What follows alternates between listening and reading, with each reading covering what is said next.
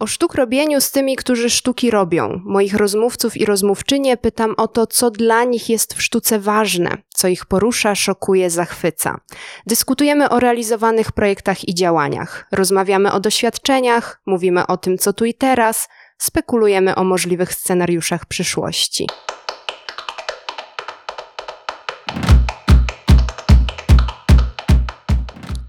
Dzień dobry, cześć. Witajcie w kolejnym odcinku i słuchajcie kolejnej rozmowy podcastu Sztuki Robi.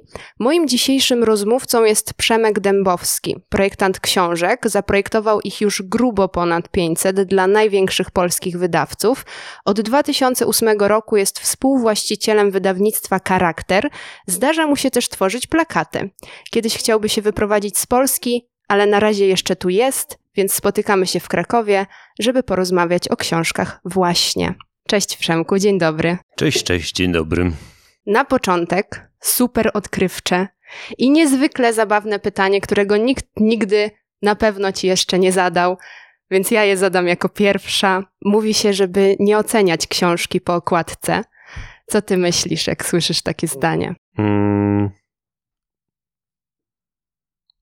Myślę, że to Przemek, zależy. słuchajcie, się śmieje, bo to jest tak śmieszne pytanie, że on na razie się zwija ze śmiechu i na pewno nigdy go nie słyszał, tego pytania. Ja się śmieję, wewnętrznie się śmieję. Wiesz co, to jest takie pytanie, które mnie przenosi 15, 16, 17 lat wstecz, kiedy jako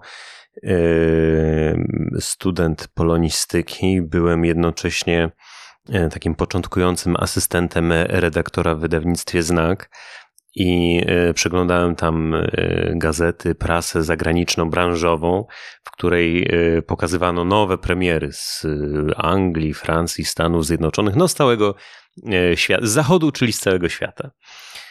Moim zadaniem było wybieranie tytułów potencjalnie rokujących, takich, które można by zamówić do recenzji i ewentualnie wydać w Polsce. I o ile przez pierwszych parę, paręnaście miesięcy przykładałem się do tego zadania bardzo solidnie i e, czytałem notki, spędzałem długie e, dni, no bo nawet nie godziny, na tym, żeby od deski do deski przeczytać każdy egzemplarz, czy to Publishers Weekly, czy Kirkus Reviews, czy innych branżowych czasopism, to po paru nastu miesiącach dawałem sobie spokój już właściwie z recenzjami z ich czytaniem. Patrzyłem tylko, czy mają gwiazdkę na początku, no i patrzyłem na okładkę. Okładki bardzo dużo potrafiły powiedzieć o tym, jaka to jest literatura, jakiego kalibru, jakiego typu. Mm, więc y, myślę, że można oceniać książki po okładce i jakby no siłą rzeczy jesteśmy na to skazani. Przecież jak sobie na coś patrzymy, to nie jesteśmy w stanie jakby wyłączyć y, jakiegoś y, surowego sędziego surowego mniej lub bardziej, który w nas drzemie yy, i jakieś tam pierwsze wrażenie mamy. No skoro mamy jakieś te pierwsze wrażenie, to yy, wydaje mi się, że praca projektanta okładek no, niesie ze sobą pewną odpowiedzialność. Czyli musisz coś powiedzieć o książce tą okładką, żeby mhm. odbiorca i przyszły potencjalny czytelnik mógł już mniej więcej wiedzieć, co o co chodzi z tą książką? Wiesz co, wie, wiedzieć, yy, przeczuwać. Yy, nie o to chodzi, żeby dostarczyć, jak chciałyby pewnie działy promocji yy, wielu wydawnictw, y, takiego kompletu entuzjastycznych informacji na temat danego tytułu, y, bo bardzo często takie jest zadanie grafików współpracujących z dużymi wydawnictwami. Mają przede wszystkim stworzyć okładkę, która będzie się wyróżniać w księgarniach i spowoduje, że potencjalny klient stanie się klientem rzeczywistym, wywali te 40 czy 50 zł i, i kupi książkę. Ja myślę bardziej o czymś takim, żeby przekazać jakiś nastrój, mm, albo jakoś delikatnie zasugerować, y, jakiego typu literatury czy nastroju, nawet mówiąc szerzej, możemy się spodziewać, kiedy wejdziemy w świat tej, e, tej książki. No dobrze, a też na samym początku chciałam, żebyśmy sobie trochę porozmawiali i żebyś wyjaśnił mi i słuchaczom, słuchaczkom, czy projektowanie książki to jest właśnie projektowanie tylko okładki? Czy, mhm. czy tak jest? Czy tak powinno być? po jakiej ty się opowiadasz stronie tych projektowania, bo jednak mówimy projektowanie książki, ale chyba pierwsza myśl to jest wtedy po prostu, jak wyglądają okładki tych książek. Większość osób, myśląc o wyglądzie książki, myśli o wyglądzie okładki. To w sumie jest jakoś nam naturalne, no bo to jest y, przecież ten, mm, ten element, który się rzuca najbardziej w oczy. I właściwie nawet nie chodzi już o samą okładkę, tylko o, o, o rysunek, który ją zdobi. Y, I faktycznie, kiedy ja zaczynałem robić okładki, a było to kilkanaście lat temu, takie myślenie o książkach dominowało wówczas e, w, w wydawnictwach. I sprowadzało, jakby w praktyce wyglądało to tak, że kiedy dostawałem zlecenie, dostawałem właśnie zlecenie na okładkę, natomiast środek książki był robiony w wydawnictwie, w związku z czym jakby to, co było w środku, a były jak, jakieś tam literki, nijak się miało do tego, co było na zewnątrz, bo te literki wyglądały inaczej. Ja sobie zdaję sprawę z tego, że dla większości y, ludzi y, litery nie różnią się tak bardzo od siebie i to, czy mamy do czynienia z takim krojem pisma, czy z innym krojem pisma, y, nie ma większego znaczenia dla ja wiem, 99% populacji. I w sumie bardzo dobrze, no, każdy ma jakieś swoje zainteresowania i swoje szajby. Mm, ale y, ja akurat jestem w tym procencie, czy nawet promilu, powiedzmy, populacji, dla którego to są sprawy y, bardzo istotne, podstawowe, witalne. I mam takie poczucie, że y, nawet jeżeli odbiorca nie jest w stanie świadomie odebrać czy ocenić wszystkich moich decyzji jako projektanta, to moim zadaniem jako projektanta jest to, żeby dostarczyć produkt czy obiekt yy, możliwie, no możliwie dobry. A dobry znaczy spójny wewnętrznie, yy, powstały według pewnego zestawu parametrów czy reguł, które ja sobie określam na początku pracy nad książką. No więc zakręcając i wracając do Twojego pytania, Kiedyś było tak, że faktycznie o, e, o wyglądzie książki myślało się tylko i wyłącznie przez pryzmat okładki. Mówię to o wydawcach. Od jakiegoś czasu to się zmienia. E, coraz więcej wydawców zwraca uwagę na to, e, już nie tylko na to, nawet jak książka wygląda w środku, ale jakiego rodzaju papier się dobiera, jakiego rodzaju oprawy się dobiera, jakiego rodzaju format można zaproponować. Bo książka no to jest takie coś, co ma trzy wymiary. Wysokość, szerokość, głębokość, ma, ma też swoją wagę. I to ma, co ma na przykład niebanalne znaczenie, bo mm, jako projektanci możemy korzystać z rozmaitych papierów. Y, możemy wybrać papiery, które są, ja wiem, cięższe, lżejsze i tak dalej. Y, I bardzo powszechną praktyką w Polsce jest robienie książek dużych. Y, takich, które powodują, że czytelnikowi wydaje się, że no cena 50 zł jest być może słona, ale za tak dużą książkę y, warto zapłacić. Ale już nie zwraca uwagi na to, że ta książka ma tam 256 stron, y, jest wyprodukowana na nadmuchanym papierze, takim objętościowym, takim, który jest, no jak to powiedzieć, można powiedzieć, trochę puchaty. W związku z czym jest duża, ale stron ma niewiele i wcale by nie musiała być taka grubaśna i że to jest swego rodzaju tylko jakiś taki wybieg, sztuczka, złudzenie optyczne. Ja staram się projektować rzeczy y, szczerze i prawdziwie. Czyli raz zrobiłem taką książkę y, w naszym wydawnictwie w charakterze mm, i miałem potem duże poczucie niesmaku, że rzecz jest duża, a lekka. I nigdy więcej mm, czegoś takiego nie zrobiłem. No więc wymiary, waga, zapach, faktura, y, to jak się odbija światło, no to są wszystko takie elementy, o których trzeba pomyśleć. No znaczy nie trzeba, ale fajnie pomyśleć przy projektowaniu książki. Mamy masę rozmaitych wrażeń, takich dotykowych, wzrokowych, węchowych i innych. I fajnie jest zrobić taką rzecz, która zaatakuje czytelnika mm, po prostu jak największą ilością bodźców, żeby jak najwięcej jego zmysłów zostało y, pobudzonych, no i jakoś tak mile, mile podrażnionych. A pamiętasz jakiś swój pierwszy albo najważniejszy dla ciebie zachwyt nad książką jako obiektem estetycznym? Czy pamiętasz, jak wziąłeś którąś z tych książek do ręki i powiedziałeś: O losie, ale wspaniałe, wspaniały papier, wspaniała okładka, super typografia w środku, w ogóle wszystko jest na miejscu. I że ci otworzyło głowę, wiesz, że to jest po prostu dzieło sztuki. Pamiętam to jest już w ogóle zamierzchła przeszłość, bo to jest przeszłe tysiąclecie. Jestem na pierwszym roku studiów na polonistyce w Gdańsku. Wchodzę do księgarni na wydziale i 98 czy 9 rok. I leżą tam książki akademickie, trochę prozy, trochę poezji, bardzo fajna księgarnia. Mm, zawsze spędzałem w niej dużo czasu, no i wszystko było, no, no, no tak jak to książki w latach 90., no nieszczególne. Wtedy jeszcze tego nie wiedziałem, ale było to nieszczególne. Wydawało mi się, że książki tak wyglądają. I y, pamiętam, że mój wzrok padł na książkę Aleksandra Coyre, bodajże, mistycy, alchemicy i spirytualiści XVI wieku, bodajże tak brzmiał tytuł. Y, zauważyłem ją od razu, chociaż książek było tam co niemiara. Wszystkie w tych błyszczących okładkach, w takich solidnych formatach, bogate. A to była niewielka książeczka z płóciennym czarnym grzbietem, y, z zielonym, y, szorstkim papierem na mm, okleinie.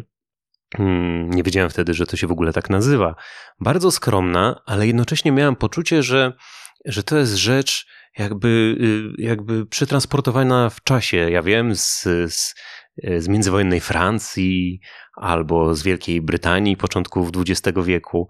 To był obiekt tak totalnie inny od tego, co się z nim stykało na księgarskiej ladzie, że, że zachwycił mnie w mgnieniu oka i kupiłem tę książkę i bardzo się cieszę, ponieważ to jest jedna z pierwszych książek wydanych przez nieistniejące już wydawnictwo Słowo Obraz Terytoria.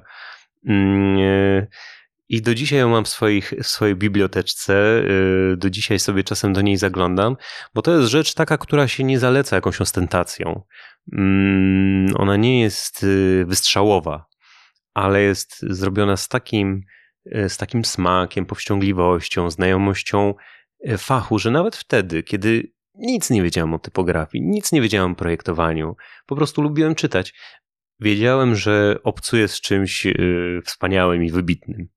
I to jest takie, tego typu uczucie ja chcę z kolei zreplikować w odbiorcach naszych charakterowych książek. Pozwalasz mi tą, tym zakończeniem swojej wypowiedzi płynnie przejść do następnego pytania, bo chciałam Cię zapytać o to, jakim jesteś projektantem.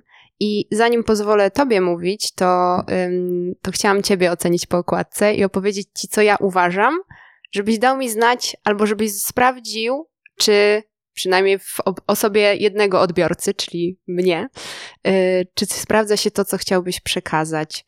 Bo wydaje mi się, że, że jesteś minimalistą, y, takim oszczędnym w środkach, ale też lubisz y, tak jakby puścić oko, w sensie zaoferować odbiorcy jakiś taki smaczek, jakiś taki niuans, którym, którym jakby też może tak, że trzymasz jakąś książkę, wiesz, o ja, nie zauważyłem tego wcześniej, ale to jest ciekawe, ale to jest fajne, albo że zauważasz to już jak widzisz książkę na półce.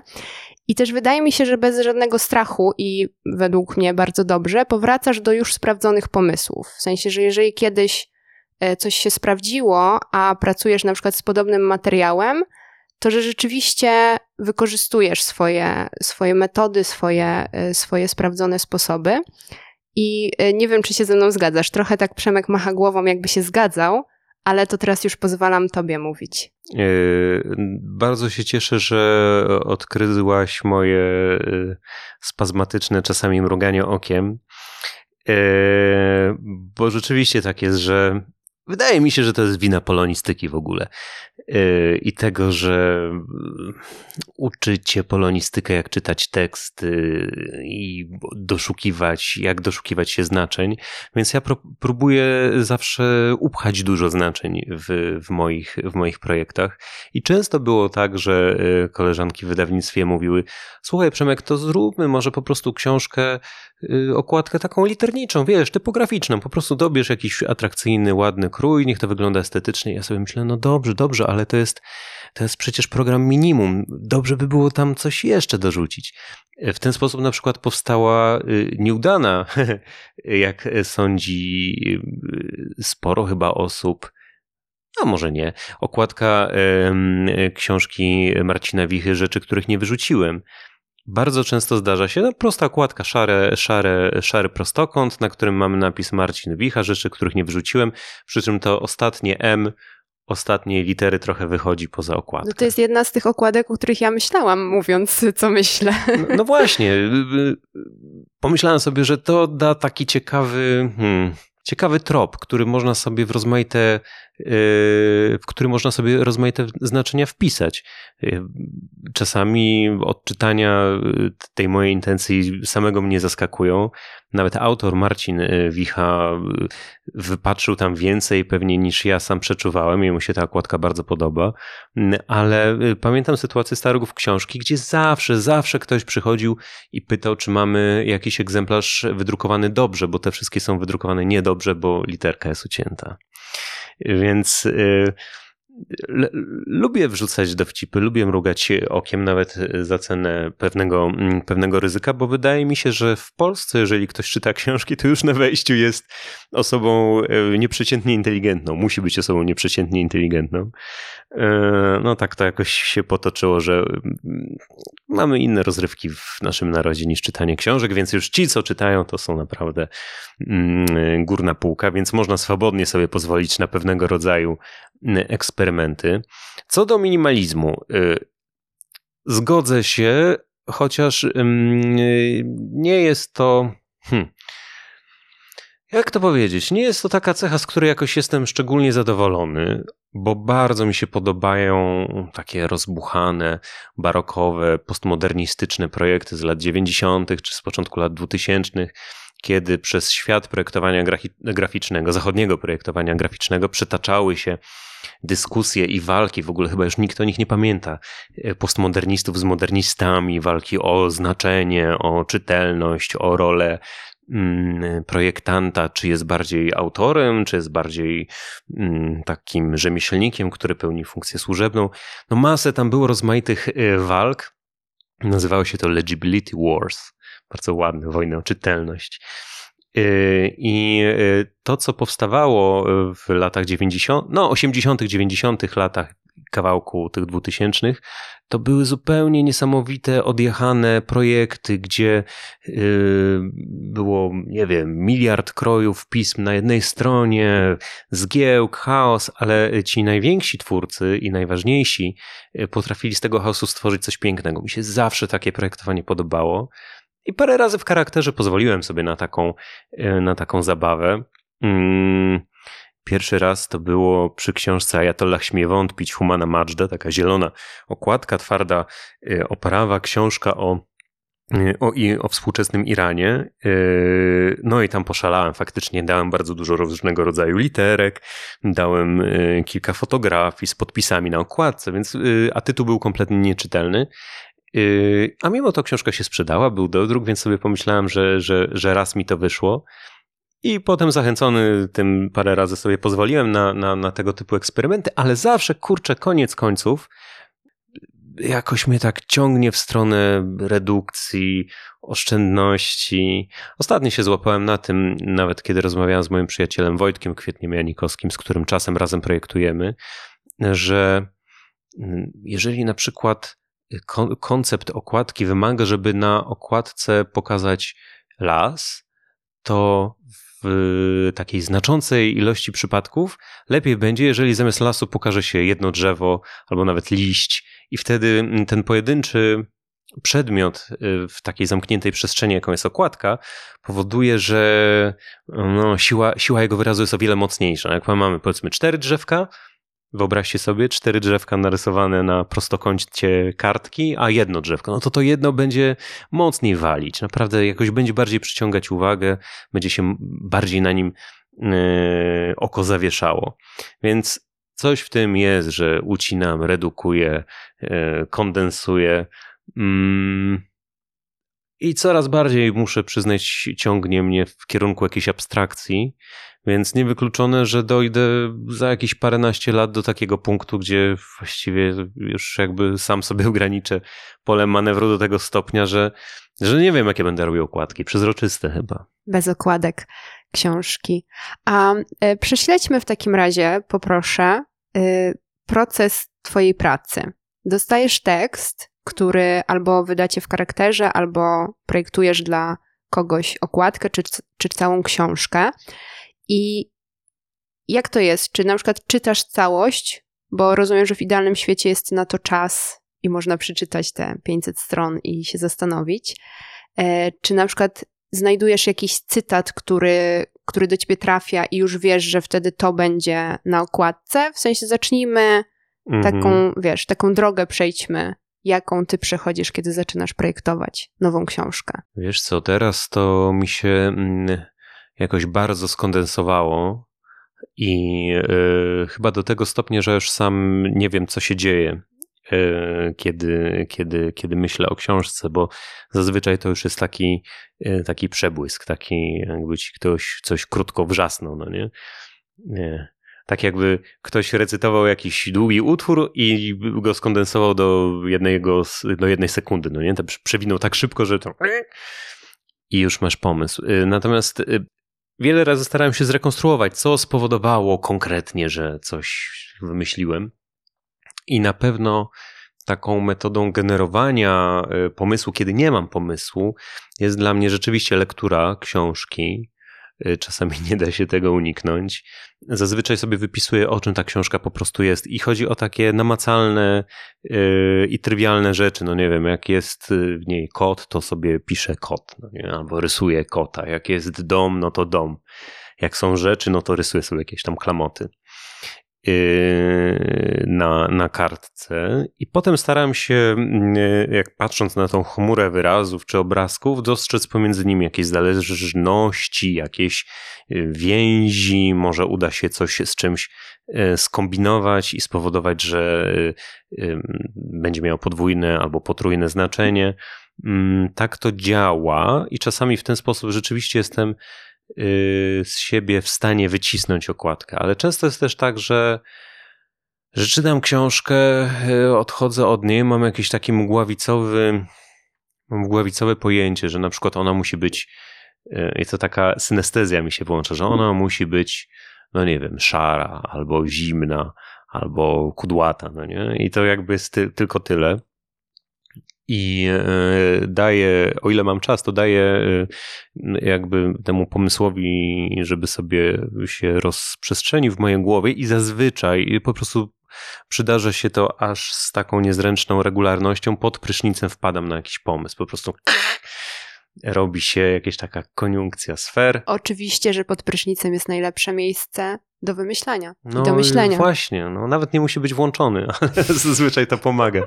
I e, Przemek, co tam robisz w łazience znowu? No właśnie. No Przemek właśnie. wymyśla nową okładkę. Nie, nigdy się tego nie da zaplanować. To po prostu trzeba y, ufać, że y, rzecz się pojawi, co oczywiście jest strasznie stresujące, jeśli, jeżeli rzecz się nie pojawia i zawsze towarzyszy mi taka obawa, że teraz już nic nie wymyślę i parę razy rzeczywiście nic nie wymyśliłem. I poszły okładki niedobre. No, to znaczy takie, no właśnie, zwykłe literki, bez mrugnięcia okiem. E, trochę mi było szkoda takich straconych szans. A jak y, przychodzi do ciebie ta obawa, to pytasz czasem kogoś? Mówisz, słuchaj, co myślisz, co, co ty uważasz? Mm-hmm. Czy to jest na przykład praktycznie niemożliwe, bo nikt inny nie zna tekstu jeszcze tej książki? Nie, wiesz co, czasami rozmawiam sobie właśnie z moim przyjacielem okładkowym Wojtkiem Kwietniem. E, on z kolei ma tak, że potrafi wymyśleć dobry dowcip e, często na podstawie tytułu. E, czasami bywa tak, że jest on niespójny z treścią książki w związku z tym, ale zawsze to popycha myślenie, myślenie do przodu. No jest też dowcipny, jest trochę taki kro, kro, krotochwilny i sprośny. Pamiętam, jak mieliśmy yy, świetną zabawę, kiedy robiliśmy wspólnie zlecenie do serii okładek. Yy, o, to była seria planowana na wiele książek, skończyło się na dwóch niestety w wydawnictwie Angora. I pierwsza, książę, pierwsza książka nosiła tytuł Piersi, kulturowa historia kobiecego biustu, czy, czy coś takiego, nie pamiętam już. I jakie to było fajne, jak żeśmy wymyślali, jak te piersi pokazać. Skończyło się na, y, na dwóch y, babeczkach z ciastkarni, z cupcake'ami. I y, pamiętam jeszcze, jakie kupowaliśmy, jak wybieraliśmy takie, które będą najbardziej przypominać formą, formą piersi. No to pamiętam, że aha, Wojtek nawet y, przygotowywał galaretki, żeby zobaczyć, jak to wyjdzie. No było z tym dużo, dużo, dużo frajdy, także y, to wymyślanie to nie jest tylko męka twórcza. Jeżeli ma się y, do tego trochę dystansu, ma się na to czas, czas na eksperymenty, na jakąś zabawę, no właśnie, no to, to, to, jest, to jest super, super zabawa i potrafi być bardzo taka, yy, no ja wiem, ekscytująca i wynagradzająca. A czy masz takie książki twoje własne, na które patrzysz po latach i z różnych względów myślisz sobie, teraz bym to zrobił inaczej? Hmm. Wiesz co, y, to, y, to zabrzmi kokieteryjnie, ale y, właściwie, właściwie w każdej książce bym coś zmienił. W każdej bym coś poprawił. Jeżeli nie w projekcie samym w sobie, czasami jest tak, że myślę sobie, kurczę, to dobrze to wymyśliłem. Naprawdę często jestem dumny z tego, co wymyślam. Natomiast też bardzo często jestem niezadowolony z tego, że czegoś nie dopilnowałem, że czegoś nie przewidziałem, że po 600 czy 700, chyba już teraz tyle tych książek jest, projektach zrealizowanych, na, nadal jest jakiś taki y, element y, całego procesu, który, który mi się wymyka spod kontroli. A ja lubię mieć kontrolę, po prostu lubię wszystko trzymać za twarz. I kiedy robię projekt, to w, już w komputerze e, projektując, wszystko sobie ustawiam co do naprawdę mikrometra wyrównuję. Jak są y, takie rzeczy, które y, chociażby o ułamek właśnie milimetra i to mówimy 0, i tam trzy cyferki, tysięczne części milimetra się nie zgadzają, to mnie to kłuje. Ja sobie wolę to wyrównać, chociaż wiadomo, że nikt kompletnie tego, tego, tego nie zauważy. Yy, no, więc yy, jestem strasznym szczegularzem i często bym poprawiał szczegóły. Yy, wczoraj omal nie dostałem zawału i miałem zepsuty dzień. Dzisiaj jakoś już z tym żyję. Ale wczoraj przyszła z drukarni książka świeżutka, premiera naszego wydawnictwa, książka pod tytułem Inne Kyoto. Alexa Kera, druga książka tego autora w naszym wydawnictwie. Poprzednia nosiła tytuł Japonia Japonia utracona. E, I pomysł na oprawę graficzną tych książek był taki, żeby one były, no właśnie, powściągliwe, oszczędne, ale zrobione z dobrych materiałów. E, twarda oprawa, grzbiet e, kombinowany. To polega na tym, że grzbiet jest z innego rodzaju papieru niż front i tył okładki. To jest taki smaczek i rzadko spotykana rzecz, no bo to jest droga sprawa. Mało która drukarnia też lubi to robić, bo zajmuje to czas. No generalnie mało się takich rzeczy robi teraz w Polsce. Ale ja akurat sobie pomyślałem, że do tej książki to będzie świetnie pasować. No i, yy, i pierwsza książka Kera, która się u nas ukazała te dwa lata temu, wyszła w takiej właśnie formie. Bardzo mi się podobała, byłem zadowolony z tego projektu. Teraz wydajemy drugą, druga wyszła wczoraj. Przychodzi nakład do, yy, do wydawnictwa, rozpakowuje, yy, rozpakuje, rozpakowuje te papierowe E, paczki i już widzę, że coś nie gra i nie wiem co, nie wiem co, biorę książkę do ręki, oglądam w środku, na zewnątrz, no wydrukowane jest ok, e, wszystko jest prosto, czy w miarę prosto, tak powiedzmy w, w dopuszczalnym zakresie, chociaż marzyłbym o może większej perfekcji. Mm, I orientuję się, że e, nagle, że grzbiet pierwszej książki jest okrągły, czyli taki wyoblony, a grzbiet drugiej książki, tej, tej wczorajszej, jest płaski. I mm, wiem, że to brzmi totalnie nerdowsko i y, prawdopodobnie mało kto mnie rozumie, natomiast y, dla mnie ta, ta, ta niezgodność to, mi, to, to jest coś, co mi psuje cały, całą frajdę. Znaczy, powinienem był pamiętać, żeby dać znać drukarni, że grzbiet musi być prostu okrągły i tyle. Y, I zapomniałem. Y, no i niedobrze. Nie można sobie takich rzeczy robić. Dlatego teraz zgłaszam się z y, wielkim apelem. Już dzisiaj rano ogłaszałem to na Facebooku moim.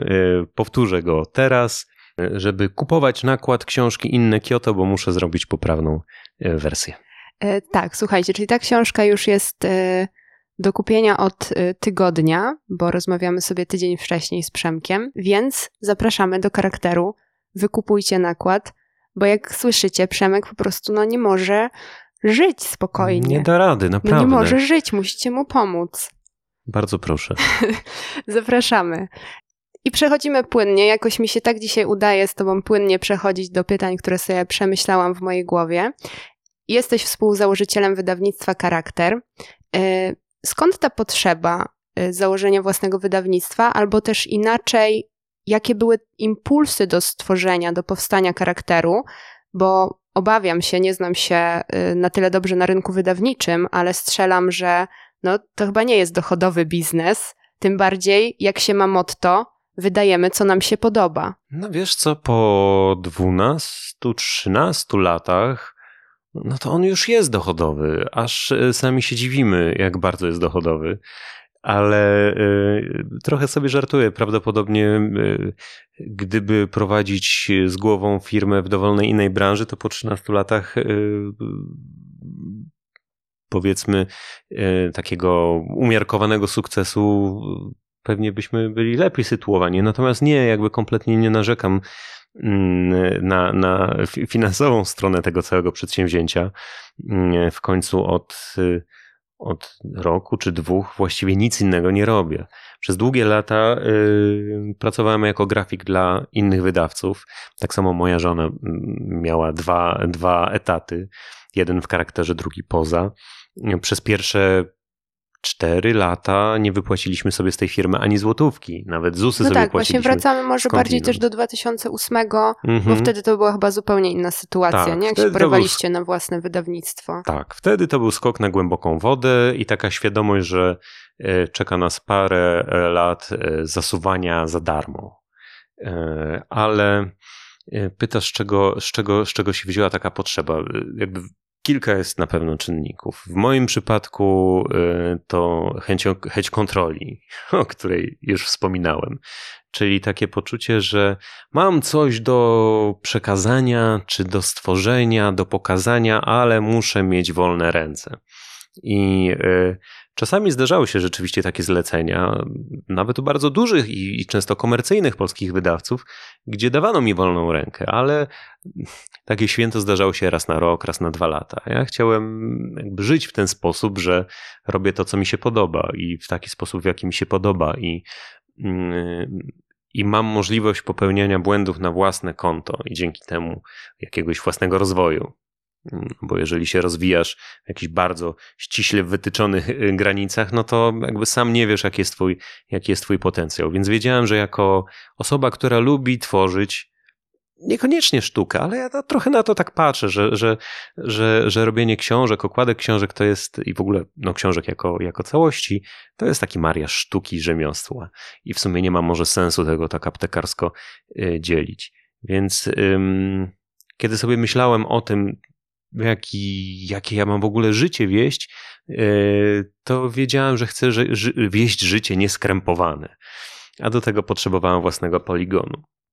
Poza tym, yy, oprócz tego, że, że, że jestem grafikiem, to, no to w końcu jestem też y, osobą, która dobiera tytuły do, naszej, yy, do naszego mm, wydawnictwa. Oczywiście y, moje y, współ, współ, współkoleżanki, głupio mówić, no bo jedna z nich jest moją żoną, ale no dobrze, Magda i Małgosia też do, do, dodają tytuły. Każda z nich ma oprócz tego swoje inne obowiązki i wszyscy we troje jakby zajmujemy się taką y, mm, kwestią linii programowej i tak dalej.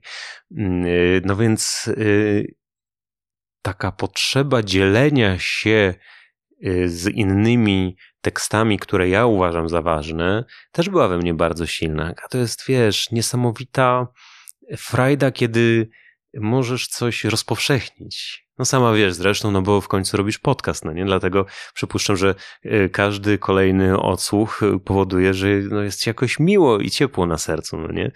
E, jakby takie poczucie, że, że, że, że się komunikujemy, że mówimy coś do naszych czytelników, odbiorców, w Twoim wypadku słuchaczy, z jednej strony może zaspokaja jakoś ego, ale z drugiej strony mm, powoduje, że masz kurcze blade poczucie sensu własnych działań, no nie?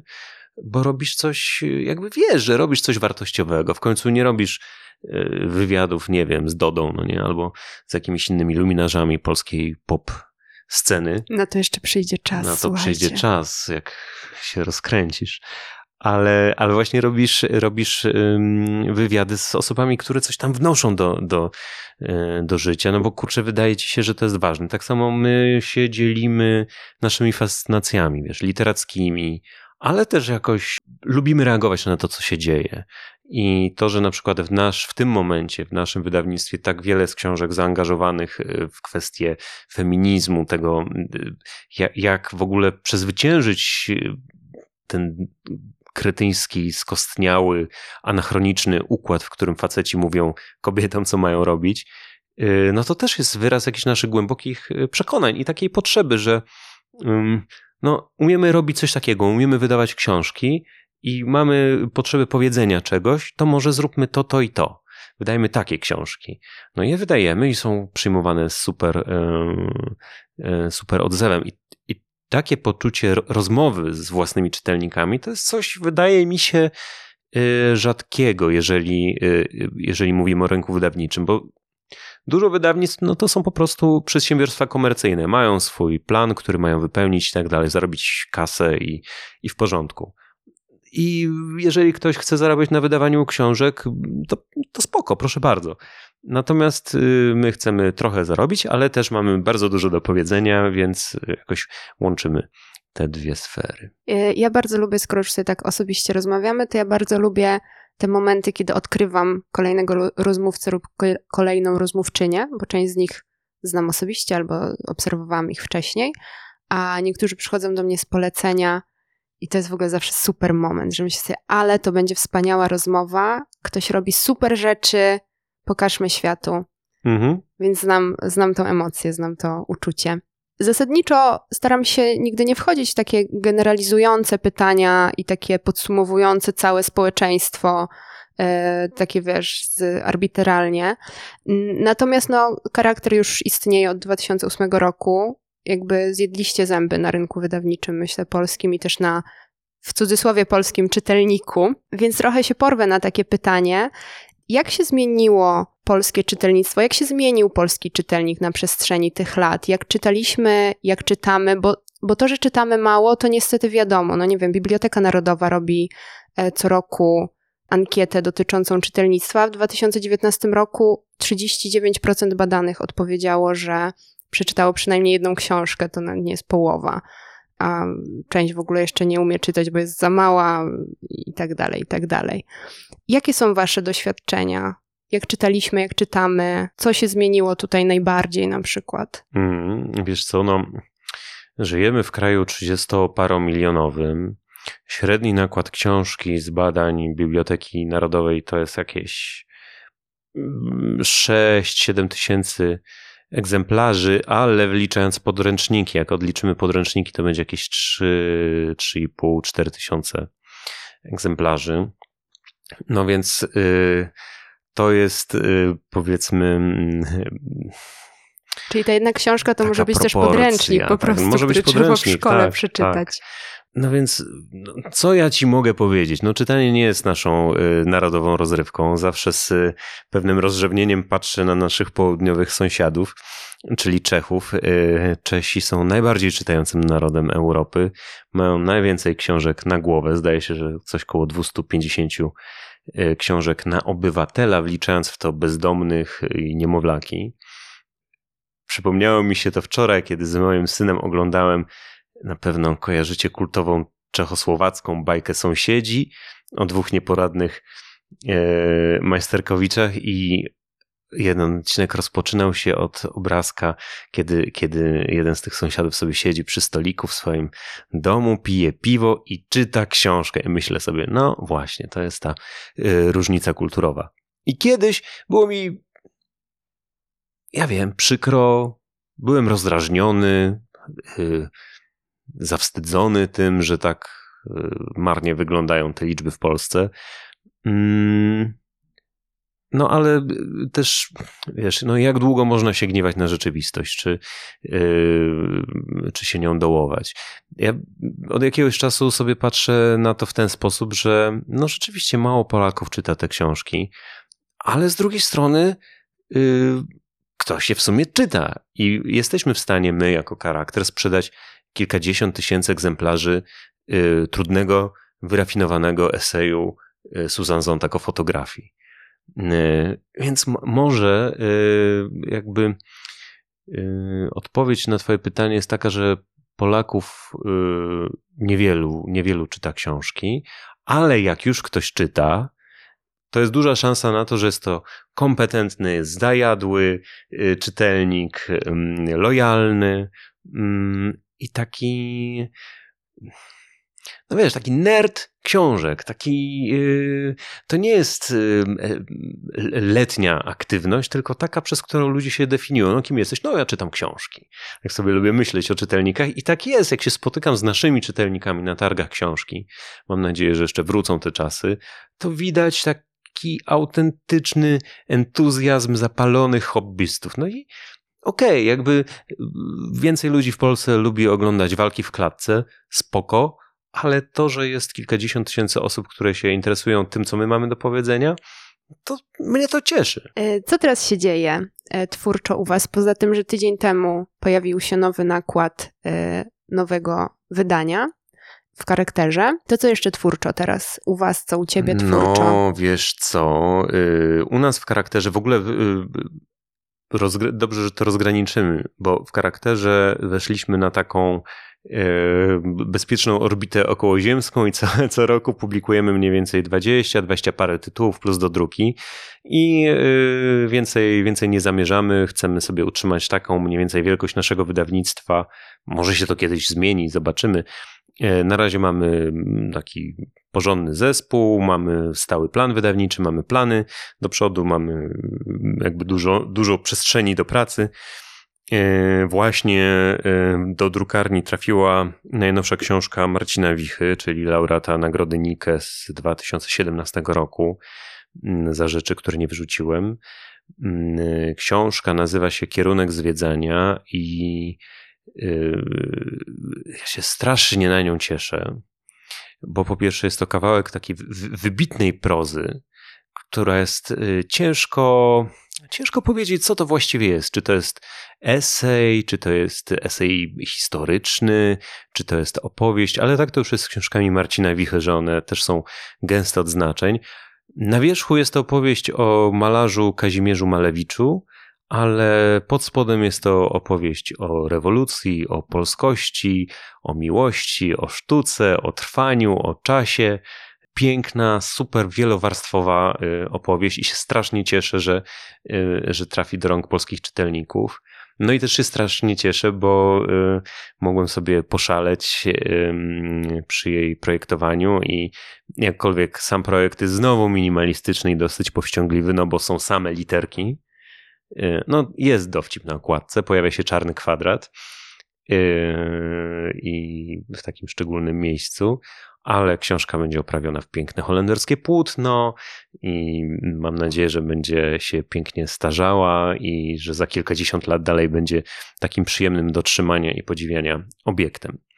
No i tyle, to tyle w charakterze. Jakby co chwilę wypuszczamy, wypuszczamy nową książkę. Ja mam takie poczucie dosyć dużego e, takiego młynu. Kiedyś książka szła do druku raz na trzy miesiące, a teraz właściwie co tydzień coś wypuszczam, bo jeszcze sporo do druków. A jeszcze ci wejdę w słowo, zanim będziesz mówił co u ciebie, bo zaczęłam sobie myśleć, jak mówisz o tym, co wypuszczacie i ile w roku.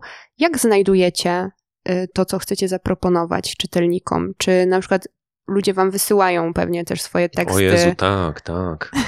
Jest tego sporo. E, zajmuje się tym e, Małgosia Szczurek. Wydaliśmy kilka tytułów nadesłanych z poczty, z poczty literackiej, można tak powiedzieć, ale większość rzeczy to są, to jest pokłosie naszych e, fascynacji dawnych i obecnych. Ja na przykład jestem entuzjastą literatury amerykańskiej, Mm, i dość dobrze ją znam i wiem, czego jeszcze nie ma w Polsce, a co się powinno ukazać, i tak sobie e, tych autorów wybieram i proponuję do planu. Ja też proponuję do planu książki związane z designem, z architekturą. Mm, e, Magda, moja żona i Małgosia mm, e, jakby mają inne sfery, w których, w które, które badają. Czasami one, te nasze zainteresowania się nakładają, a czasami, a czasami proponujemy coś czego żadne inne z nas by nie mogło zaproponować. Czasami jest tak, że książka rodzi książkę, bo kiedy w 2010 roku wydaliśmy książkę o polskim designie, to spowodowało, że poznałem Piotra Rybsona, który wydał u nas książkę o przedwojennym polskim designie, co z kolei spowodowało, że pojawił się u nas w wydawnictwie właśnie Marcin Wicha, który kiedyś prowadził spotkanie z Piotrem Rybsonem i pomyśleliśmy, że może jest ciekawą osobą, której warto zaproponować książkę. I tak to idzie, taka reakcja łańcuchowa, więc bardzo ciekawe jest to w prowadzeniu wydawnictwa, ale może to jest w ogóle tak w prowadzeniu y, biznesu, a może w ogóle tak jest w życiu, że, że coś się robi i, y, i zupełnie nie, nie, niepostrzeżenie czy niespodziewanie za pięć lat y, jakiś taki zupełnie ciekawy i bardzo ważny skutek uboczny się pojawia tej, tej wcześniejszej działalności. No. To jeszcze teraz powiedz nam wszystkim, co u ciebie twórczo? U mnie twórczo rok 2021 zapowiada się dość srogo. Yy, czego nie byłem świadom jeszcze w styczniu, natomiast teraz już jestem w pełni świadom, ponieważ jest to setna yy, rocznica urodzin Lema, rok yy, Stanisława Lema. W związku z tym mm, w wydawnictwie literackim w maju ukaże się takie super ekskluzywne wydanie bajek robotów Stanisława Lema z moimi ilustracjami, już patrzę się okładka, ale też jakby zaprojektowane w całości przeze mnie wydawnictwo powiedziało, żebym mam wolną rękę, mogę robić co chcę. No i, i zrobiłem co chcę i, i myślę, że wyjdzie bardzo taka ładna książka na, na lata. Mm, y, będą wystawy poświęcone Stanisławowi Gilemowi. Wydaje mi się, że jednej z nich będę kuratorem, że będą jakieś publikacje jemu poświęcone, więc y, tych takich lemologicznych rzeczy, w które ja będę zaangażowany, y, jest dużo. Ja się bardzo cieszę, no bo na Lemie się chowałem, więc, więc, więc wygląda na to, że będę miał pełne ręce roboty w tym roku. Bardzo Ci dziękuję, Przemku, za naszą rozmowę. Ja również. Zapraszam, jak już w trakcie tej rozmowy kilkukrotnie, do charakteru. Koniecznie idźcie wykupić ten nakład e, książki, która się źle wydrukowała. Inny Kyoto, kwadratowy grzbiet. Bardzo ładny, ale y, musimy zrobić okrągły. Słuchajcie, wy na pewno, nikt z was pewnie nie zauważy o co chodzi, weźmie tą książkę do ręki i powie, no co, no super książka. E, stawiając kropkę, dziękuję Wam za wysłuchanie rozmowy z Przemkiem. E, jeżeli chcecie być na bieżąco w sprawach podcastu, no to nieustannie zapraszam do śledzenia sztuk na Instagramie i Facebooku. Słyszymy się za dwa tygodnie. Tymczasem róbcie sztuki.